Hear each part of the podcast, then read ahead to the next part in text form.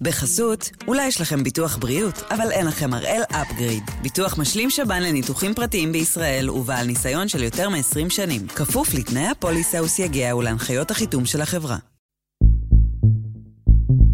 היום יום שלישי, 24 במאי, ואנחנו אחד ביום, מבית N12.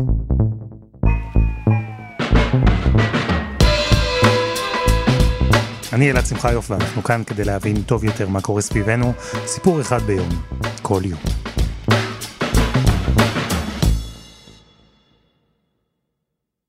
עבר קצת זמן מאז שהייתי תלמיד בבית ספר, ולמרות התדמית האינטלקטואלית שאנחנו כאן באחד ביום מנסים לשמר, אני מרשה לעצמי לספר לכם שאני זוכר מצוין את הריגוש הזה, הריגוש שקורה כשאתה נכנס לכיתה, יושב במקום, רק כדי לגלות אחרי כמה דקות שאין מורה.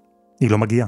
כן, מדי פעם זה אומר מורה מחליפה, מדי פעם זה פחות טוב מאשר המורה המקורית, זה קרה, אבל היו את הפעמים האלה שבמקום המורה ובמקום השיעור, קרה הרגע הקסום הזה, שבו פשוט זרקו עלינו כדורסל או כדורגל ואמרו לנו, אין שיעור, לכו לשחק. אך, אלו היו הימים.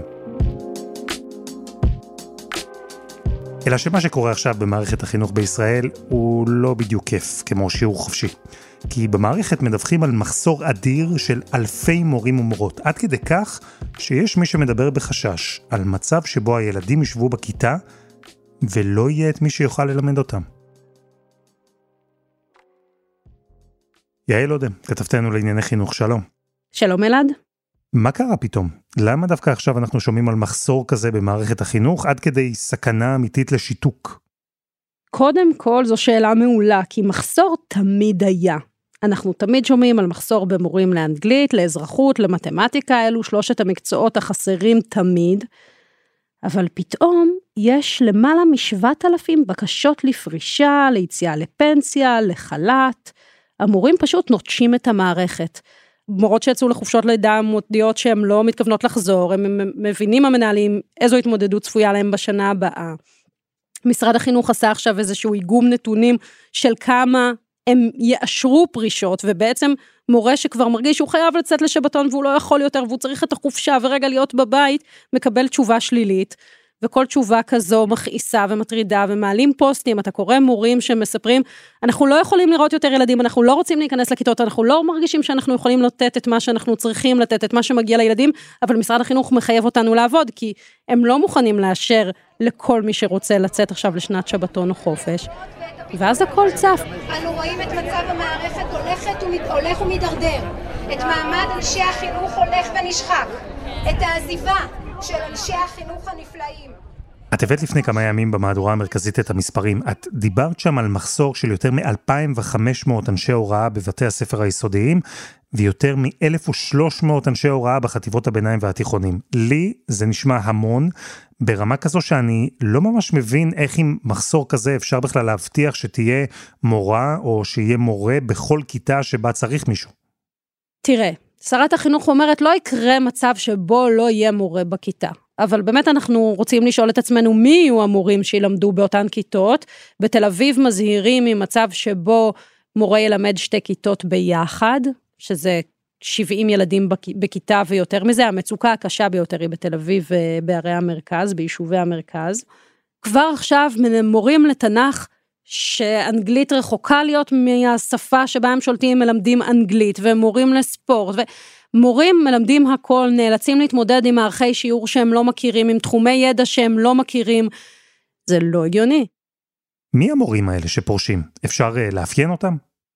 כן, אני חושבת שמרבית הפורשים הם מורים צעירים של 3, 4 ו-5 שנים, שהם לא מאוד חוששים מלהחליף עבודות, הם מסתכלים סביבם ורואים את עובדי ההייטק למשל, שמחליפים הרבה מאוד מקומות עבודה, ופתאום הם אומרים, רגע, אוקיי, אידיאולוגיה אחלה, אבל מה עם עבודה קצת יותר רווחית, קצת אה, אחרת, לא פחות מעניינת אולי, ומציעים להם באמת משכורות הרבה יותר גבוהות.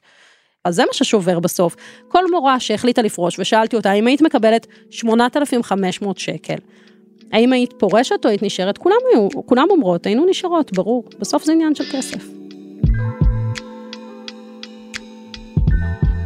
כשפז פירו הפכה למורה לפני שלוש שנים, זה ממש לא היה עניין של כסף. הרגשתי צורך אז לתת מעצמי אה, לילדים. הרגשתי אה, תחושת שליחות אה, מאוד גדולה, להגיע ולתת מעצמי לקטנטנים האלה. אני לא אשקר שגם ככה על הדרך אמרתי, וואי, זו משרה שמאוד מאוד נוח להיות באימא. הסיבה העיקרית אבל באמת זה תחושת השליחות. זה לא שהכסף היה טוב, הוא לא. אבל איך נאמר, היה לה ברור מראש שמחנכת בבית ספר יסודי זה לא מסוג המקצועות שהולכים אליו כדי להתעשר. השכר היה מאוד אה, שקוף לנו, ידעתי כמה אני אקבל, זה לא הפתיע אותי. מה שכן זה העבודה. אני כמחנכת אה, כיתה, יש עליי עומס מאוד מאוד גדול, ש, שבאמת עד שנכנסתי למקצוע לא הבנתי את אה, גודל העבודה. זה, זה מתחיל ממבחנים, טלפונים ממורים, טלפונים עם צוות, טלפונים עם תלמידים היום כבר, זה נהיה ישיבות צוות, הכנת תעודות, הכנת טפסים במהלך השנה אה, של ילד, ילדי חינוך מיוחד, ילדי מטה, ילדי... זה באמת אה, המון המון עבודה ש, שלא ידעתי עליה, שזה קצת הפתיע אותי. לצד העומס המורכב הזה, אין מענה מצד המערכת. זאת אומרת, הכלים שלי כמורה מאוד מאוד מגבלים. זאת אומרת, אני עובדת שש שעות ורק אז אני מתחילה להיות מורה בבית. וכשאני שלוש שנים בתוך זה, ואני חווה את זה. אני אומרת, רגע, כאילו, אם אני עובדת את השש שעות, נכון, אני לא עובדת הרבה שעות בבית הספר בפועל, אבל יש לי המון עבודה בבית. אז, אז משהו פה לא, לא הגיוני לי אה, כשאנחנו מדברים על המשכורת המועטה שאנחנו מקבלים. וכשהעבודה, העבודה האמיתית כלומר, התבררה לה, אז כן, גם הכסף הפך להיות אישיו. אבל השורה התחתונה כאן היא החשובה, והיא זו שעליה אנחנו מדברים היום. כי אם דיברנו על המחסור במערכת החינוך, על אלפי המורות והמורים שהחליטו שהם לא ממשיכים במקצוע, אז אנחנו בעצם מדברים על פז, ואנחנו מדברים על החברים ועל החברות שלה.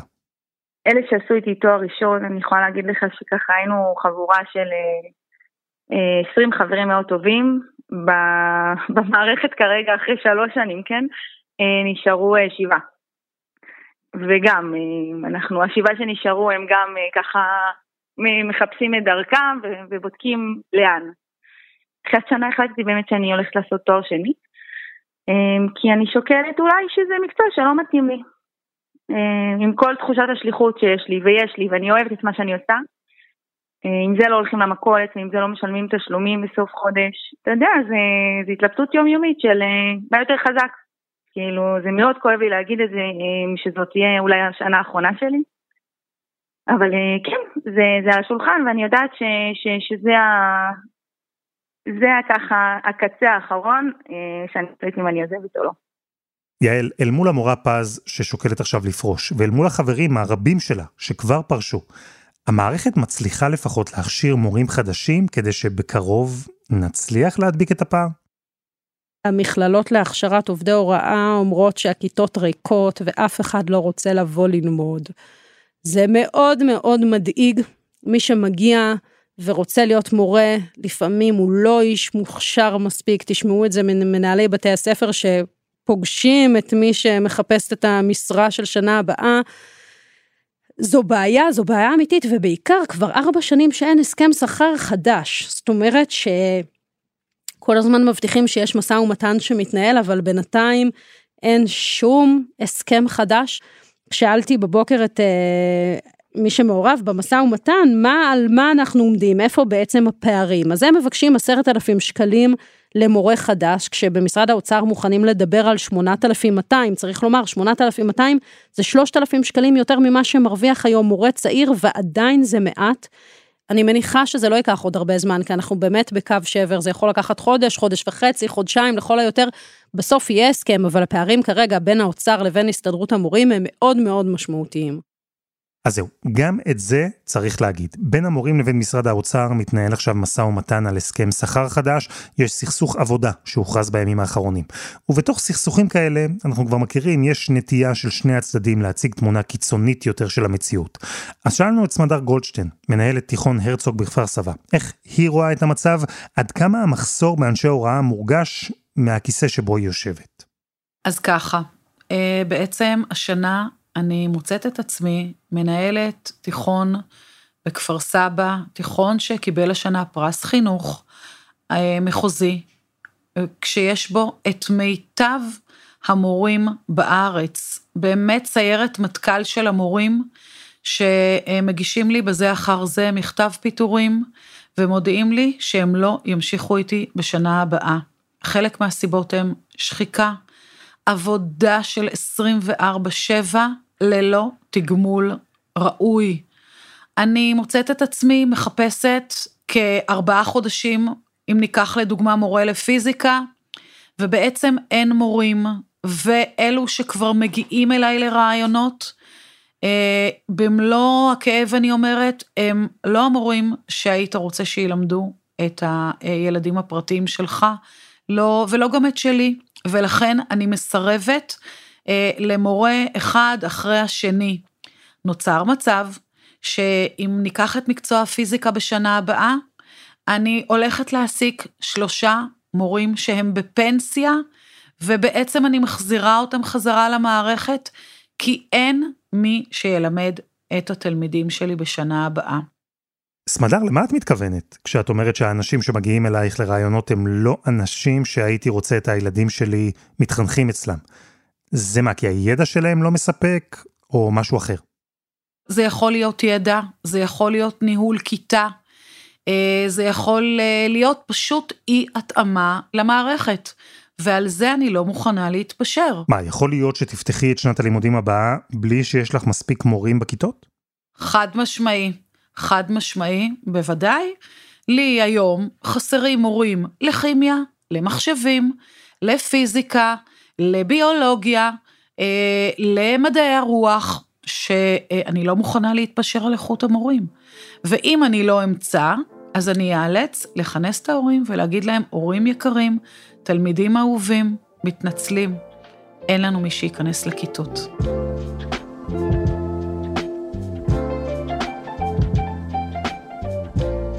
טוב, אני יודע מה אתם אומרים. מערכת החינוך בישראל, אנחנו כבר מכירים את ההזנחה, מכירים את חוסר האכפתיות, וכן, זה משבר שמשפיע מאוד על מערכת החינוך הישראלית, הוא מאוד מורגש בישראל. אבל זה ממש לא משבר ישראלי, כי המחסור באנשי הוראה מורגש כבר הרבה זמן בלא מעט מקומות בעולם. אבל קודם חסות אחת, וממש מיד חוזרים.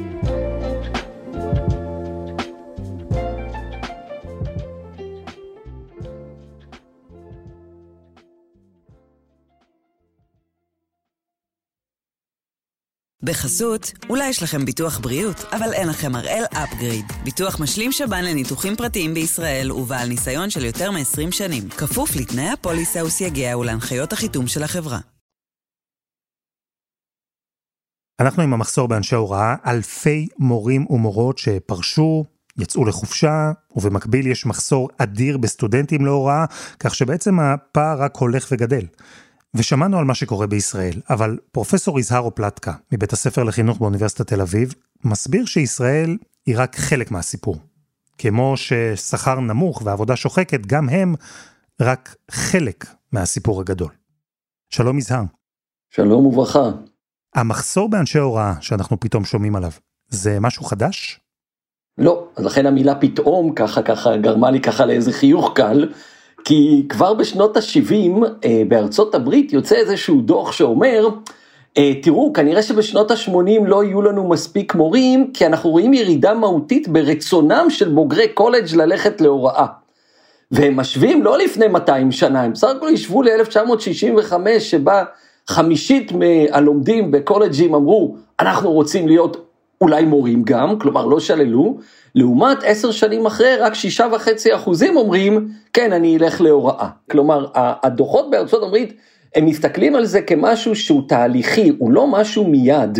שנות ה-80 יהיה יותר מחסור משנות ה-70 ושנות ה-90 תהיה, המחסור יהיה הרבה יותר חריף. ואנחנו רואים את זה כתהליך עולמי. ברור שזה היה גם במדינות אחרות, זה היה באנגליה כבר בשנות התשעים, באנגליה מייבאים כוח אדם להוראה מהודו, מאוסטרליה, ממדינות דוברות אנגלית, מדינות שבהן אנשים, לאנגליה יש את הפריבילגיה, אבל לרוב המדינות המפות... המפותחות בעולם אין את הפריבילגיה הזאת.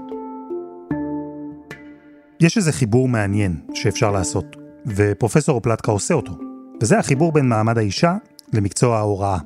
כי התפיסה של אישה במרחב הזה של שוק העבודה, הבית והמשפחה, התפיסה הזו היא זו שהפכה מלכתחילה את ההוראה למקצוע שהרבה נשים בחרו בו. נכון, כי גם אז אה, אישה צריכה, התפקיד המרכזי שלה, אם ניקח רגע את אמי שעוד מעט היא בת 80, אז אבא שלה אמר לה, תהיי מורה, כי ככה תוכלי לגדל את הילדים ולתמוך בבעלך ובמשפחה.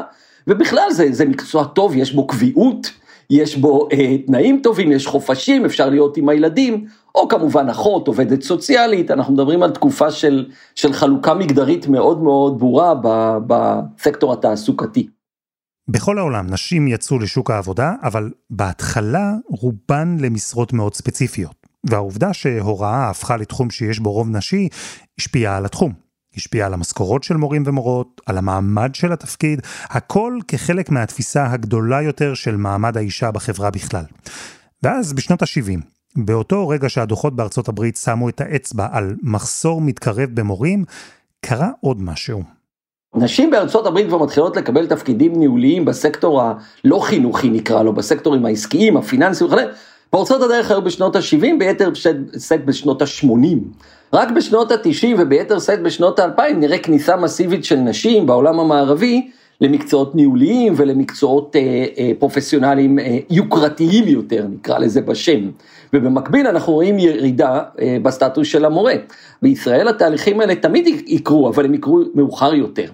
זאת אומרת, זה תהליך שהוא בכלל לא קשור למערכת החינוך, הוא תהליך שקשור לשינוי מבורך אגב במעמדן של נשים, ובעצם הוא משליך מאוד על החינוך בזה שפחות פחות ופחות נשים פונות למערכת החינוך. במילים אחרות, כן, זה השכר הנמוך, כן, זו העבודה התובענית בסביבה קשה, אבל יותר מזה, לנשים נפתחו אפשרויות נוספות בשוק העבודה, וברגע שזה קרה, נשים שבעבר היו בוחרות במסלול הוראה, רצו, וגם הצליחו, לבחור במסלולים אחרים. והשינוי הזה הוא שתרם למחסור שהתחיל ב-70's בארצות הברית, אבל מורגש עד היום בעולם, ואולי במיוחד היום בישראל. בישראל הסיפור הוא קצת יותר מורכב. א', יש לנו ארבע מערכות חינוכיות. זאת אומרת, לא, אני לא יכול לדבר על כולן כמקשה אחת, כי בציבור הערבי מקצוע ההוראה פתר בעיות של אבטלה לאנשים רבים, לכן אחוז הגברים שם היה גבוה. אבל גם היום אנחנו רואים בבתי ספר יסודיים, גברים צעירים מהמגזר הערבי לא רוצים לבוא, אוקיי? אה, לתפקידי ניהול כן, אבל לא לתפקידי הוראה. אה, אצל החרדים זה סיפור אחר לחלוטין, כי כל המשמעות של החינוך היא שונה. לכן אני מדבר על המערכת הממלכתית והממלכתית דתית, שבעצם מייצגות ציבור שמזכיר מאוד את, ה, את האוכלוסיות במדינות המפותחות מבחינת הרצון לקריירה, השינויים בתפיסת המגדר וכדומה. עוד היבט שהוא מייחד את ישראל זה הגידול המסיבי באוכלוסייה. כלומר, האוכלוסייה גדלה ולא רק בסקטור החרדי והערבי, גם בסקטור החילוני וקל וחומר בסקטור הדתי-לאומי, אנחנו מדברים על, על, על, על עלייה מאוד גדולה בילודה. זאת אומרת, כשיש גידול אוכלוסין צריך יותר בתי ספר, צריך יותר כיתות. אבל בישראל יש עוד כמה דברים. קודם כל, חוסר המשילות בחברה הישראלית, שהוא כבר דבר ידוע. בא לידי ביטוי במערכת החינוך. זה בעיקר בא לידי ביטוי ביחסים בין הורים לבין בית ספר. מקרים לא פשוטים מורים צריכים להתמודד, עם הורים אלימים, עם הורים תובענים. אני לא אומר, רוב ההורים הם טובים, רוב ההורים רוצים את גידול הילדים, רוב ההורים מכבדים את המורים. אבל יש את אלה שלא, והמערכת לא יודעת לתת להם מענה.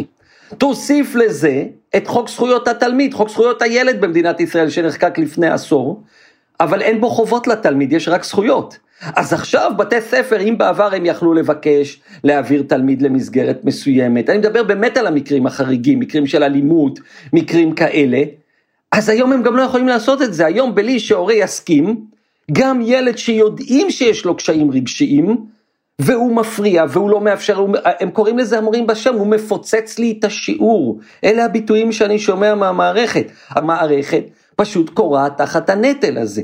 ואז אנשים צעירים אומרים, למה לי את כל זה? ההורים לא מכבדים אותי, המעמד של המורה בחברה נמוך, אני כל יום זה מאבק, אז אני אלך לעבוד באותו שכר של 7,000 שקל התחלתי בערך. אני אעבוד כמזכיר, מזכירה, לא שרע להיות מזכיר, מזכירה, אבל לפחות לא נאבקים באף אחד, אולי באיזה לקוח עצבני פעם בכמה ימים.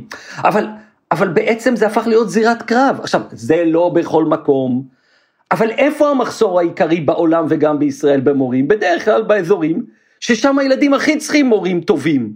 שכבות החלשות. אבל הבעיה הפכה להיות עכשיו כבר ארצית, היא כבר מעבר לזה.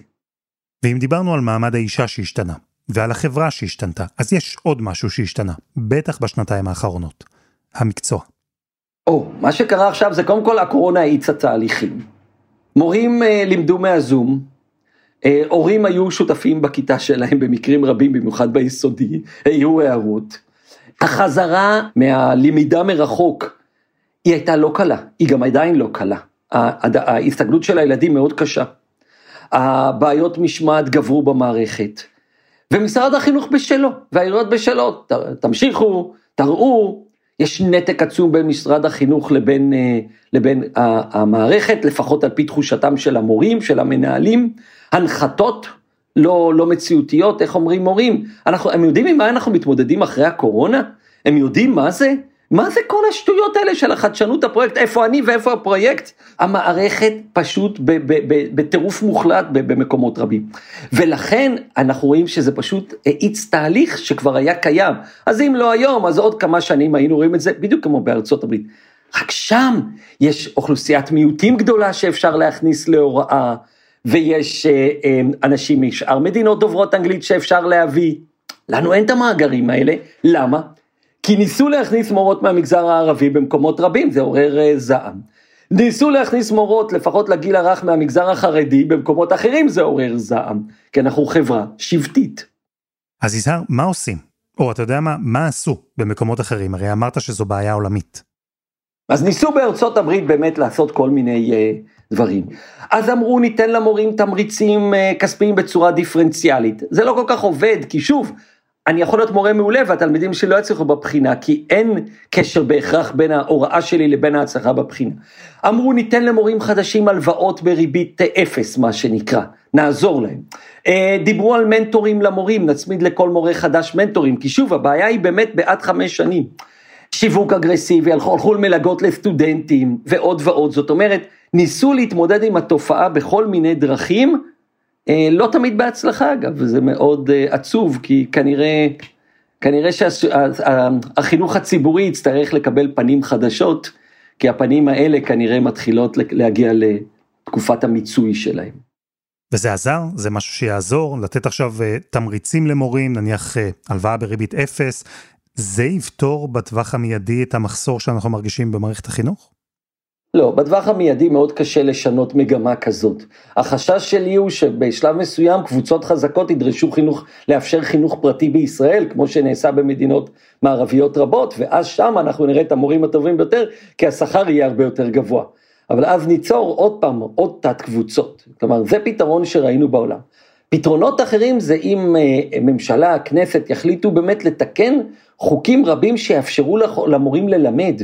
היום, במצב החוקתי היום אנחנו רואים קושי של מורים ללמד, בגלל שילוב לא נכון לפעמים, בגלל הורים ש, שאין שום סנקציה כלפיהם, בגלל שקשה ללמד בכיתות של 35. יש פה המון המון גורמים ולכן זה פתרון שהוא הרבה מעבר לדבר אחד. כי מי רוצה לקבל שכר גם של 20 אלף שקל בחודש, אם כל יום הוא בא לעבודה וחוזר הביתה בבכי? אנשים לא ירצו עבודה כזאת לאורך זמן.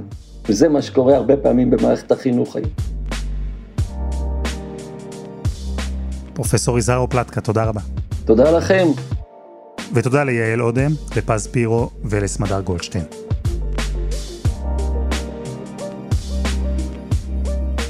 וזה היה אחד ביום של N12. אנחנו מחכים לכם בפייסבוק, חפשו אחד ביום, הפודקאסט היומי, אנחנו שם.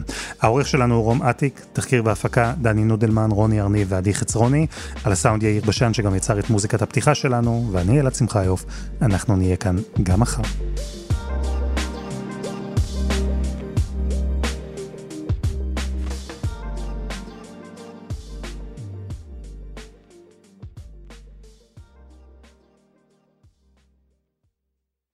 בחסות, אולי יש לכם ביטוח בריאות, אבל אין לכם הראל אפגריד. ביטוח משלים שב"ן לניתוחים פרטיים בישראל ובעל ניסיון של יותר מ-20 שנים. כפוף לתנאי הפוליסה וסייגיה ולהנחיות החיתום של החברה.